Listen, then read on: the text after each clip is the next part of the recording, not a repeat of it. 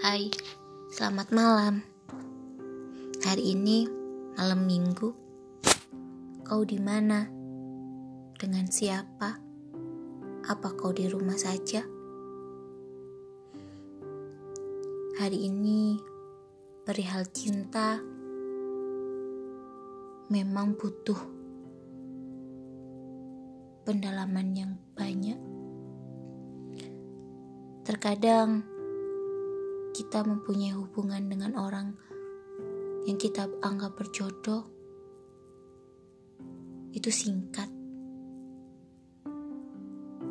Meski telah selama apa pun kau menjalin cinta dengannya, jika pada akhirnya Allah tak menakdirkan kau dengannya berjodoh, maka pastilah akan segera dipisahkan oleh Allah. Tak peduli sedalam apa pun perasaanmu terhadapnya, atau secinta apa pun dia padamu, tetap saja kau dengannya tak akan bisa bersatu. Semua skenario Allah sudah tetapkan. Sebagai makhluknya, ya kita hanya bisa menjalankan dengan sebaik-baiknya. Meski memang terkadang semua rencana tak sesuai dengan kenyataan yang ada. Sulit rasanya menerima semua yang Allah tetapkan jika tak sejalan dengan apa yang kita harapkan. Terlebih untuk bisa ikhlas atas apa-apa yang sudah di, menjadi takdirmu, namun kenyataan tak seperti apa yang kau inginkan. Semua terasa berat, bukan? Benar adanya bahwa untuk bisa benar-benar ikhlas sangatlah membutuhkan proses yang tak sebentar. Tapi ketika kau mau berdamai dengan segala kepedihan dan memasrahkan semua hanya kepada yang maha menakdirkan, semua bebanmu akan terasa jauh lebih ringan. Sebab hanya Allah yang dapat menyembuhkan segala sesuatu. Tak terkecuali luka yang kau rasa.